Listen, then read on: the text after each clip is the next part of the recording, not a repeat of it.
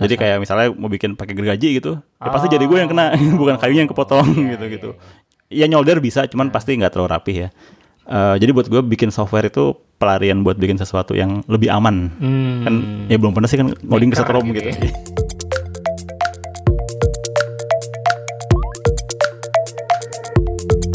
Selamat datang kembali di Ceritanya Developer Podcast bersama saya Riza dan di podcast ini kita akan mendengarkan cerita dari developer, programmer, software engineer keren tentang masa lalu, masa kini dan masa depan mereka, tentang bagaimana mereka memulai karir sebagai developer.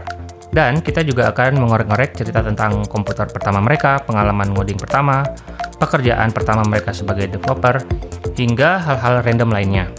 Podcast ini diedit dan diproduksi oleh Deep Tech Foundation, sebuah lembaga non-profit yang mempunyai misi yaitu menyetarakan talenta digital di seluruh Indonesia. Dan sekarang kita sudah bersama Adityo Pratomo, Halo, eh, halo. salah satu pekerja remote di perusahaan Amerika. Eh, gimana kabarnya? Baik baik. Baik ya. Alhamdulillah. Baik. Mungkin boleh diperkenalkan, perkenalkan secara eh, langsung kepada pendengar kita.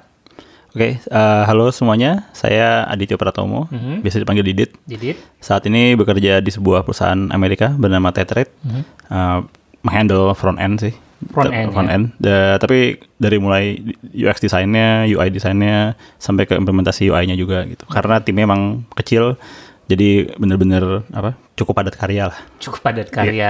oh, jadi berarti uh, menghandle dari mulai desain UI UX sampai ke front end Yep. developmentnya ya. Yep, yep.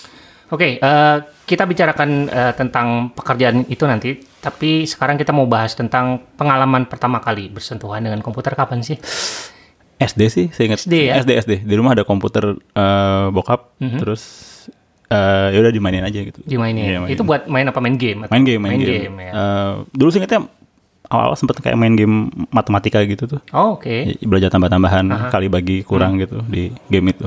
di di komputer itu. Iya, di komputer itu. Ingat OS-nya apa? Ih, Itu DOS sih. DOS. DOS, DOS. Oke, sebelum Windows ya. Sebelum berarti. Windows, ya, ya. Oke, nah kalau eh, pengalaman pertama programming, programming. Em, bikin website dihitung programming nggak nih? ya, boleh lah. Boleh, boleh. lah. Itu SMP sih kayaknya.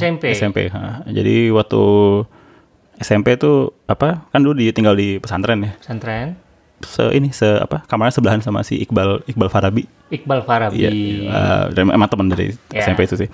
Eh, terus apa banyak baca-baca buku-buku soal apa bikin website zaman dulu ya Hmm. itu tahun berapa sih 2000-an. Jadi penasaran akhirnya nyobain terus oh bisa juga nih bikin kayak beginian gitu. Oke, tahun 2000 udah mulai bikin website ya Iya. SMP ya. Nah, eh, berarti eh, yang dipelajari waktu itu HTML, Iya. Yep, HTML, CSS mungkin. CSS, udah? JavaScript Iya, belum ya? Kayak JavaScript beneran zaman itu kan JavaScript cuma kayak yang buat bikin apa button alert gitu ya. Iya, Zaman segitu. validasi, validasi. validasi Oh. bener-bener bener-bener. Enggak sih Sekarang kayaknya. semua JavaScript. ya? Iya. Ya. Nah, dari pengalaman bikin website, eh, abis itu belajar eh, pemrograman lagi atau eh, belajar hal yang lain? Eh, kayak ketemu yang rada formal lagi waktu kuliah ya. Waktu kuliah. Waktu kuliah. Kuliahnya jurusan? Elektro. Elektro. Eh, waktu tingkat 2 tuh ada pelajaran eh, OOP sih. Belajar Oh. itu belajar C++. Oke. Baru ketemu lagi yang bener ya. Soalnya waktu SMA sih kayak main-main gitu aja, main, Hmm. Main-main aja. ya? flash apa segala Oke. macam gitu. Eh, baru pas kuliah ketemu lagi C++. Eh, Hmm. itu juga nggak terlalu masuk sebenarnya. Eh, baru-baru beneran serius banget lagi waktu lagi tugas akhir sih. Skripsinya bikin apa? Eh, waktu itu bikin lantai interaktif. Hmm. Jadi ada proyeksi apa eh, gabungin proyeksi. Jadi ada proyektor taruh dia di langit-langit, dia nembak gambar ke lantai. Ketika orang lewat di atas gambar itu, gambarnya bisa berubah-berubah. Oh, jadi kayak ada sensor gitu. Iya, benar, benar, Teknologi benar, yang dipakai apa waktu itu? Waktu itu pakai Arduino, Arduino. terus pakai apa programming environment namanya Pure Data. Pure data. Betul. Itu visual programming gitu sih. Oh, Sama ada sedikit apa OpenGL programming. Hmm. OpenGL. iya. Untuk ininya ya, eh, visualisasinya. Betul, betul. betul. Hmm. Oke, jadi eh, tadi pertama kali eh, kenal komputer SD, SMP belajar HTML. Yep. SMA em, mungkin ah, nggak nggak terlalu itu casual aja ya nyantai ya mungkin flash Casual sih. atau apa Eh, gitu. flash sih sama ya udah mulai belajar-belajar apa Linux zaman-zaman segitu tuh. Ah, Linux ya terus kuliah baru baru kena eh, OP C++ terakhir yang lebih serius lagi pas eh, skripsi Yap. Yap. Di eh, universitas mana waktu itu? Eh, ITB. ITB. Oke. Terus begitu lulus langsung kerja kah atau gimana? Oke, nah eh, lulus itu kerja tapi sebagai network engineer waktu itu. Network Network engineer. Ah. Heeh. Oke. Hmm. Eh, apa nggak ya nggak nggak banyak codingnya, banyakkan apa konfig alat lah. Konflik alat. Tapi di luar itu justru apa? Nah ini, ag- ini agak antik sih ya. Jadi eh, belajar programmingnya rada lebih dalam lagi. Hmm. Oke. Tapi aplikasinya buat seni waktu itu, Hmm. buat visual art. Oke. Eh, waktu itu ketemu eh, apa eh, tools namanya processing. Hmm, Dia base-nya Java. Java ya. Nah, buat visual programming Ya. terus jadi belajar oh jadi ngerti oh kelas tuh begini maksudnya gitu kayak nggak nggak nggak nggak nggak bener-bener dipahamin waktu kuliah Oke. dulu baru itu baru baru ngerti gitu. Ya. Baru ngerti ternyata konsep objek oriented itu seperti apa setelah praktek. yes Langsung kerja gitu yes ya. Hmm. yes yes Yang waktu ngerjain yang apa visual programming itu. yep yep Oke. Nah, setelah dari situ eh, gimana eh, apa eh, perjalanan karirnya sampai sekarang? oke Em, habis itu eh, waktu itu kuliah oh, kerja sebagai network engineer tuh Network Gitu, engineer. satu setengah tahun lah kira-kira Oke. ya. terus mulai bosen Mulai bosan. mulai bosen Eh, habis itu S2 di Australia Hmm. waktu itu ngambilnya interaction design Oke. Eh, nah di situ tapi ju- eh, di kuliahnya emang banyak banyak bener-bener ngulik digital medium gitu. Jadi nggak cuma di desain tapi juga mesti di program apa ngulik bentuk interaksi yang beda-beda gitu. Ya di situ lumayan intens sih satu setengah tahun belajar eh, apa belajar programmingnya lumayan intens. Eh, belajar UX juga ketemu UX juga di situ. Em, ketemu apa disiplin desain lebih dalam juga di situ sih. Oke. Nah, ini menarik nih. Waktu S1-nya kan elektro Hmm. yang bisa dibilang kayak belajarnya si C++ gitu kan yang agak-agak yang sangat-sangat back end gitu Yap, kan. yap. Terus ambil S2-nya yang front end banget yang desain malah Ya, kan. ya. Itu eh, struggling nggak sih belajar awal-awal waktu kuliah eh, ah, ngambil S2 itu?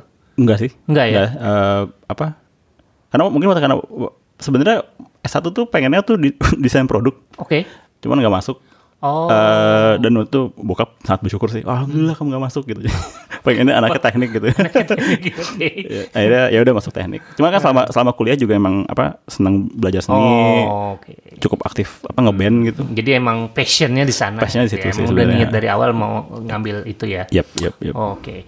Nah, em, mungkin ada aplikasi menarik atau aplikasi keren eh, yang pertama, yang awal-awal dulu waktu belajar programming yang dibuat, mungkin masih ingat sampai sekarang.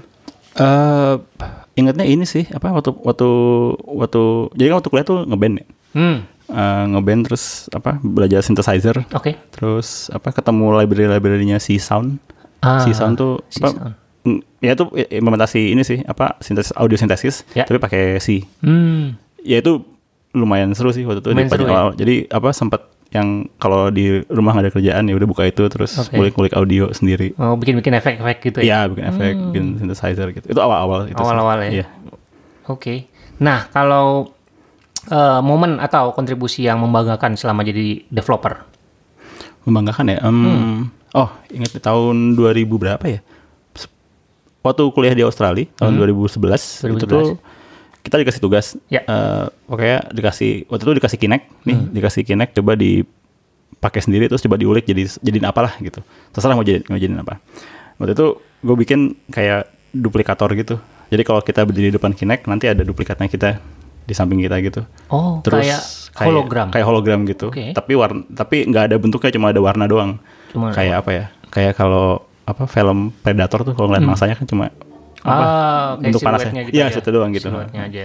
nah itu itu gue bikin terus taruh di website pribadi waktu Hmm. itu masih ada taruh source code-nya juga Oke.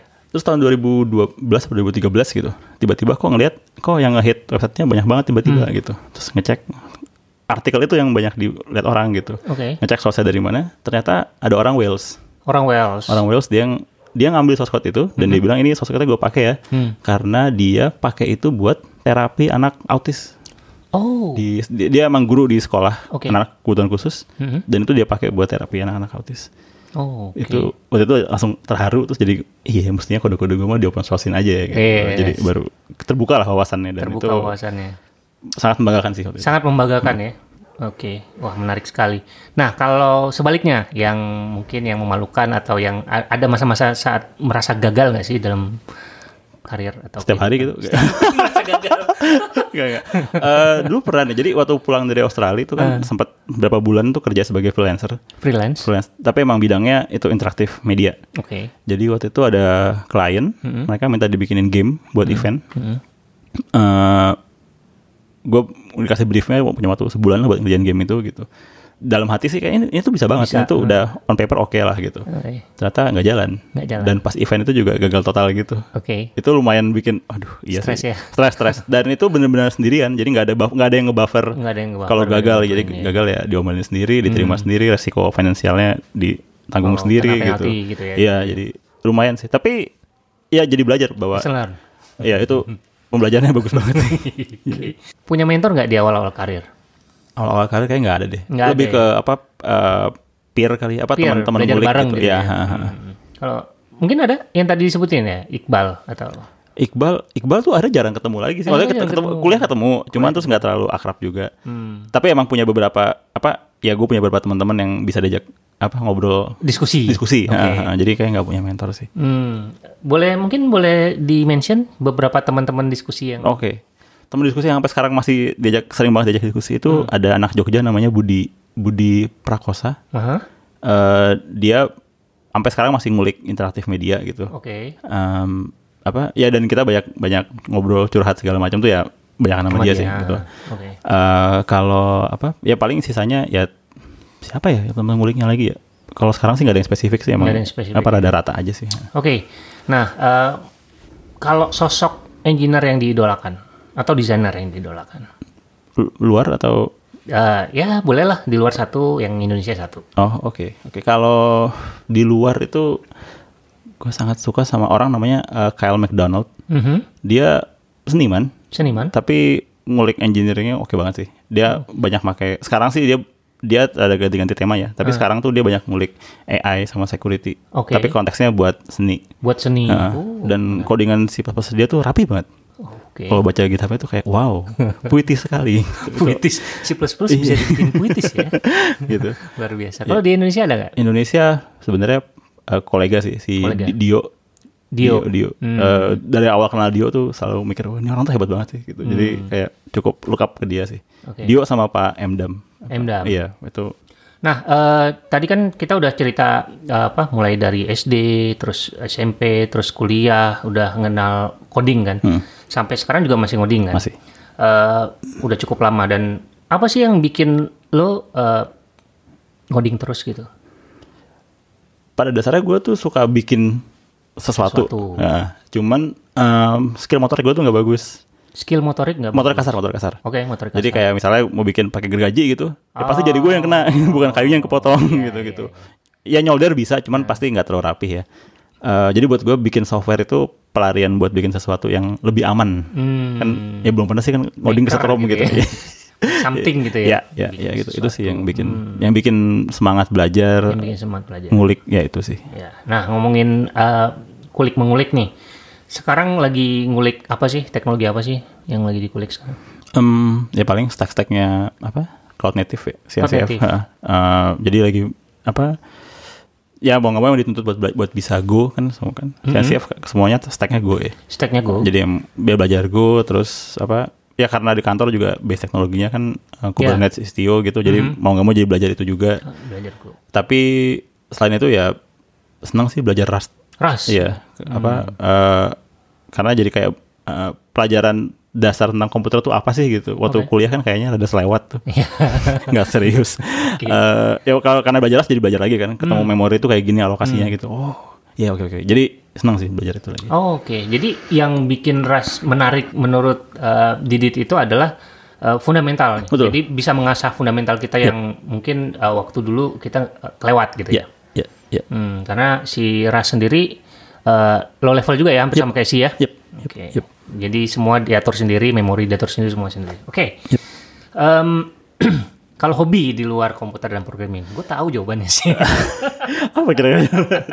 Eh, kalau sekarang saya lagi suka sepedaan sih sebenarnya. Sepedaan. Hmm. Sepedaan sekarang lagi suka sepedaan. Karena berapa tahun tuh badannya nggak diajak olahraga ya. Jadi terus kemarin kemarin impulsif beli sepeda. Beli sepeda? terus iya, istri cuma bilang ya udah boleh beli tapi pokoknya kalau seminggu nggak dipakai dijual oh ya jadi jadi setiap hari dipakai Setiap hari. Eh, ya seminggu adalah empat kali sih ada sih. Hmm, Eh, apa- sepedaan kemana? Ke Ya, kantor? Keliling BSD aja. Keliling BSD. Eh, Oh. Kan nggak ke kantor ya. Oh iya, kantornya di rumah ya? Iya. Kantornya di rumah. gitu. Eh, saya tuh paling hobinya ya game sih. Game ya? Sama musik sih. Sama musik. Hmm. Nah, ngomongin eh, apa? eh, pekerja remote nih. Eh, pengalaman eh, sebagai pekerja remote udah berapa lama sih? Paling nggak udah em, em, empat kali ya empat tahun kurang lebih. Empat tahun. Hmm. Empat tahun. ha. Tapi kalau tadinya kan eh, sambil ngurusin laptek indie, kan laptek ini di Bandung ya. Ya. Ya itu masih remote-nya masih remote Jakarta Bandung gitu. Oke. Kalau paling baru yang remote antar benua baru sekitar satu satu tahunan lebih lah. Hmm. Gimana sih eh, apa pengalaman atau kesan dan pesannya bekerja dengan tim atau orang-orang di Amerika sana? Atau di seluruh dunia. Ini Eh, itu mereka remote di mereka seluruh dunia. Di Amerika ada, Cina ada, India ada, Oke. Belanda, Spanyol ada. Ya, gimana tuh? eh menarik sih soalnya apa ya? eh sebenarnya kan salah satu alasan utama kenapa pengen gabung ke sana sekalian ngebenchmark ya. Kalau di Indonesia gimana sih dibanding sama Ya, di luar gitu ya, ya. Ternyata sebenarnya nggak terlalu jauh juga sih. Nggak terlalu Nggak jauh terlalu secara jauh. skill ya. Iya. Eh, maksudnya gini, mungkin senior level di Indonesia sama senior level di sana gue yakin cukup sepantar. Oke. Tapi yang eh, satu hal yang berkesan buat gue adalah mereka sangat rajin nulis dokumen sih. Sangat rajin nulis dokumen. Heeh, heeh. apa eh, dokumentasi itu rapi gitu. Hmm, Ap- Ya meskipun apa banyak banget cukup tercecer tapi paling enggak eh, apa eh, argumen buat memulai sesuatu tuh ada tuh dokumentasi yang benernya engineering prosesnya gitu. Hmm. Ya itu sih yang apa berkesan banget. Berkesan ya. Eh, apa kadang-kadang mereka nggak apa nggak nggak diskusi panjang soal kode tapi justru diskusi panjang tentang sebelum itu jadi desain API-nya Oh. flow engineering-nya gimana baru ngeributin kodenya gitu Desain prosesnya dulu dimatangkan, Iya, baru buka code editor. Betul, betul, betul, betul, betul, betul, betul, betul, Jadi betul. diskusi dulu, Iya, iya. udah matang baru mulai ngoding gitu ya. Yap, yap, yap. Dan mereka juga cukup apa ya? Ya a- mungkin argumen mere- asumsi mereka semua orang ngerti gitu ya. Jadi Hmm. kadang-kadang gue juga nge- bikin misalnya bikin desain UX-nya gitu, dikasih referensinya ini nih, ini protobuf-nya. Hmm. Baca aja nanti tinggal diterjemahin sendiri gitu. Hmm. Itu enak sih, enak sih. Eh, Bagian kayak gitu enak. Oke oke. Nah, em, mungkin ada apa ya? Ada semacam eh, tips dari Didit eh, supaya gimana supaya developer-developer Indonesia itu eh, siap untuk kerja remote. Oh, oke. Yang pertama tuh berani ngomong sih. Berani ngomong. Berani ngomong. Eh, mereka sangat oh, yang gue pelajari adalah orang-orang itu tuh sangat menghargai kalau orang bisa beropini. Oke. Eh, jadi ya kita kadang suka takut ya kalau ngomong takut salah gitu. Iya. Ah. Padahal mah ngomong aja gitu, nggak apa-apa. Eh, selama ngomongnya disampaikan dengan benar itu Oke. berasa nggak masalah sih. Hmm. Satu itu. Terus dua eh, orang suka nggak pede kalau "Oh, bahasa Inggris gue nggak bagus nih Iya. gitu. Padahal sebenarnya cuek aja. Di tim itu yang bahasa Inggrisnya bagus ya ya orang Amerika asli. Iya. Sisanya mah ya bahasa Inggrisnya ya begitulah gitu. Iya, Masih 11 bisa. 12 lah sama kita Iya ya. benar benar benar benar benar benar. Masih logatnya kental, grammarnya ngaco. Cuma cuek aja, ngomong aja gitu, nggak apa-apa sih, nggak. Iya, selama m- mereka mengerti, ya mereka juga eh, memahami ya Benar benar benar benar. kita sedang belajar. Bener bener. Sama ini sih paling terakhir kontribusi open source sih. Kontribusi open source. Hah. Ya kebetulan kalau kantor kan emang sangat menghargai kontribusi open source ya. Jadi kayaknya, maksudnya kalau orang-orang pengen cari setelah mulai dapat tawaran kerja open source, tawaran kerja remote kayaknya sih dari, Dari kontribusi open open source, bener. Hah. Oke, oke. jadi eh, sebenarnya intinya adalah em, komunikasi, Yep, yep, komunikasi baik secara lisan maupun tulisan. Yep. Kalau di eh, Tetrate sendiri itu komunikasinya via apa? Pakai Slack kah atau video call kah? Eh, bu- yang asing, yang komunikasi asinkronus tuh Slack, email. Slack, ya, email. Slack tuh di prior- prioritasnya lebih bawah dibandingin email. daripada email. Hmm. Eh, sama dokumen sih, sama dokumentasi? dokumentasi. Heeh. Eh, kalau butuh sesuatu yang dirembukin bareng-bareng baru video call. Baru video call. Eh, Tapi itu juga jarang sih. prioritas utamanya adalah email tetap ya. Eh, dokumen justru. Oh dokumen, Dokumen. ah. Mhm. dokumen, Oh jadi dokumen yang kolaborasi bareng-bareng. Habis itu didis- diskusiin. Kalau masih belum dapat juga baru video call. Ya, ya. Atau ada video call cuma buat di awal, cuma buat Oh, nyamain buat suhu introduction, gitu baru. ya, ya, eh. ya. Nah, eh, yang menarik lagi adalah eh, yang tadi kontribusi ke open source. Boleh di share nggak kira-kira kontribusi seperti apa sih? Eh, atau gimana sih cara mulai mau kontribusi ke open source gitu? Oke. Em, kayak paling enak sih jadi eh, di mulai dari ini sih pengen kontribusi apa dulu. Pengen kontribusi Iya. apa dulu? Biasanya kalau gue mulainya iseng aja buka GitHub gitu, eh, cari yang apa eh, repo yang tag-nya misalnya Rust gitu. Ya, Terus coba cari aja yang kira-kira repo mana yang butuh banyak apa good trust issue atau apa need help apa help wanted gitu gitu ya Iya, iya, iya. terus coba pilihin aja mana yang kira-kira paling gampang buat dilakuin dulu Oke. gitu kan kadang kan banyak juga kan kontribusi open source cuma sekedar butuh dokumentasi markdown misalnya Oke. atau cuma ini library-nya mesti diupdate jadi versi berapa gitu itu kan hal-hal yang quote unquote rada remeh ya sebenarnya Hmm. Iya, ya. iya, iya. tapi kan jadi pintu awal buat masuk kontribusi gitu Hmm. nah kadang-kadang kan orang takutnya oh kontribusi gue berarti gue mesti ngoding dong gitu kan ya kan maksudnya ngoding kan tuh panjang ya Hmm. Iya. maksudnya nggak mungkin lah lu buka pertama kali buka repo langsung ngoding Langsung kontribut bisa. kode gitu kan belum tentu bener gitu kan Iya, Ya, iya, jadi iya, pasti iya. Hmm. ada step by stepnya gitu mungkin dari situ atau mungkin dari mulai sederhana ngelaporin isu lah atau konti- apa diskusi di isu gitu Atau jawab-jawabin Jawab isu. jujur bener bener bener. nyobain misalnya apa di di apa proof bener nggak nih Iya, errornya di iya, ini bener ya. bener bener bener bener. Oke. Kan jadi mulai, jadi paling nggak jadi tahu kan cara kerja software ini gimana sih? Iya. Ya, baru nanti mulai kontribusi kode. Oke, jadi sebenarnya intinya eh, kita cari eh, apa repo yang kira-kira yang tertarik, yang menarik buat kita Yap, gitu ya, yap. Hmm. atau yang biasa kita gunakan, yang eh, sering kita gunakan sehari-hari. Kemudian kita cek apakah dokumentasinya lengkap, misalnya mungkin ya teman-teman tahu kan kayak misalnya eh, developer kan paling malas nulis dokumentasi. Jadi kita bisa bantu dia untuk nulis dokumentasi Yap, daripada yap. harus dia yang bikin ya kita yap. mungkin kita cobain oh stepnya nih ada yang kurang nih untuk instalasi ya udah kita tambahin pull request dan lain-lain bisa juga dengan jawab jawabin isu Yes, yes. diskusi di isu tersebut dan lain-lain pokoknya banyak yang bisa kita kerjakan di project open source dan kita banyak bisa banyak belajar juga dari mereka ya salah satunya yaitu eh, komunikasi Yep. Oke, nah kalau misalnya ada teman-teman eh, yang mendengarkan ingin eh, apa ya, ingin jadi developer atau ingin jadi desainer keren gitu, ada tips nggak dari Didit? Em, jangan berhenti belajar sih. Iya, Jangan berhenti ya. berhenti belajar. Apa soalnya ini menurut gue ini industri yang rada-rada sakit jiwa gitu. ya. dalam hal dalam hal kecepatan gitu. Kayak lupa lupa belajar 6 bulan aja pasti udah Hilang ya udah hilang A- antara udah hilang atau udah udah nggak ada udah trennya udah geser gitu. trennya udah guys. Ya, gue gak kebayang sih kalau ada orang misalnya tahun apa eh, aduh gue lupa ngikutin React nih pas mau ngikutin lagi udah banyak banget tuh "Ah, mulai belajar dari mana dulu nih gitu kan Oke. atau bahkan apa eh, nyobainnya dari mulai poin yang salah gitu misalnya udah tahun segini terus baru mulai belajar misalnya karena salah salah arah atau salah panduan mungkin terus tahu-tahu malah belajarnya misalnya ini no hard feeling ya tapi misalnya belajarnya ember malah kan Oke. padahal kan ember nggak terlalu laku di industri gitu kan jadi rada-rada apa ya salah juga sih Ta- titik titik awalnya bukan suatu hal yang rada populer gitu Oke. ya jadi artinya artinya memang selain selain nggak boleh berhenti belajar juga nggak boleh berhenti nyari informasi sih Nyari informasi Iya, terus ya, iya. update terus ya. up to bener date bener gitu bener ya. bener gitu Oke, Em, kalau apa? eh, mungkin suka baca juga nggak sih? Banget, suka ya, banget. banget, banget. Wes. ada rekomendasi buku nggak buat kita?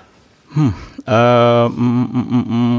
kemarin tuh baru jadi ada buku UI design yang bagus tuh judulnya Designing Interface. Nah, Designing interface. baru tahu ternyata tahun ini tuh keluar edisi ketiganya. Oke. Dan itu banyak banget update-update yang menarik sih. Hmm. Itu oke banget. Kalau mau belajar apa eh, UI UI, UX ya. UI design. Um, tapi kalau buat developer sih yang oke tuh kemarin eh, ini nih apa buku baru baru ketemu karena lagi belajar Go gitu jadi ketemu buku judulnya Go in Practice. Ya. Go in Eh, practice. Itu kan ada, ada, ada klasik ya Ya. bagus sih buat Bagus, ya. buat buat kalau mau belajar Go yang rada pragmatis itu Hmm. enak sih. Oke. Eh, tapi kalau pengen belajar Go yang dalamnya banget itu si apa Go programming language. Go Yang programming itu language, ya. Oke. Oke banget. Oke banget. Kalau Ras, Rust. Ah, Rust itu buku yang paling oke tuh ini sih ada buku judulnya Programming Rust itu yang ngarang si Jim Blandy. Itu oke banget karena apa dia nggak cuma ngajarin sintaksnya Rust tapi juga misalnya ada konsep soal- di Rust kan ada konsep namanya borrowing ya buat apa penggunaan memori gitu. Hmm. Ya. Itu dia sebelum jelasin itu dia jelasin panjang lebar tentang memori. Hmm, Itu pas baca bener-bener kayak yang ya ampun. Kemana Coba aja dulu?" kemana aja kalau dulu belajar pasti dapat aneh gitu. ya begitu. oke oke Gitu, oke. itu oke. Eh, Ada sesuatu yang mungkin yang menarik yang belum disampaikan? Em, ini sih paling programmer tuh bisa mulai dari mana aja sih. Programmer? Programmer tuh bisa mulai karir dari manapun gitu ya. Hmm. Maksudnya kalau case gue kan gue belajar dari mulai dari seni justru kan. Hmm. Artinya eh ya nggak nggak kenapa-napa sih kalau mau mulai programming karena pengen kerja di unicorn misalnya Oke. gitu. Tapi gue ngerasa di masa depan kayaknya itu programming akan jadi satu skill dasar yang bisa dimiliki oleh apapun profesinya gitu. Hmm. Jadi kayaknya eh, nggak usah takut bahwa oh kalau gue belajar programming berarti gue mesti jadi developer gitu. Oke. Bisa aja belajar programming jadi hakim misalnya Iya. Hmm. nggak ada salahnya kan tapi ya tetap itu jadi skill buat ngomong sama mesin gitu. Hmm, jadi programming bukan hanya jadi profesi tapi juga bisa jadi hobi gitu. Betul, betul, betul. Oke, Wah, seru. Nah, sekarang gimana uh, kalau teman-teman ada yang mau follow-follow nih yang apa um, sosial medianya yang paling aktif di mana? Eh, Twitter sih. Twitter ya? Twitter. Twitternya apa? Kotak makan. Kotak makan. Digabung semua. Oke deh, kalau gitu uh, terima kasih banyak Didit buat cerita-cerita menariknya. Thank you Mas Liza. Terima kasih uh, udah datang ke studio uh, Deep Tech. Um, s- sampai bertemu di lain kesempatan di meetup-meetup terdekat. Yes. Dan uh, sukses untuk karir dan kehidupannya. Sama-sama, sama-sama. Susah juga Mas.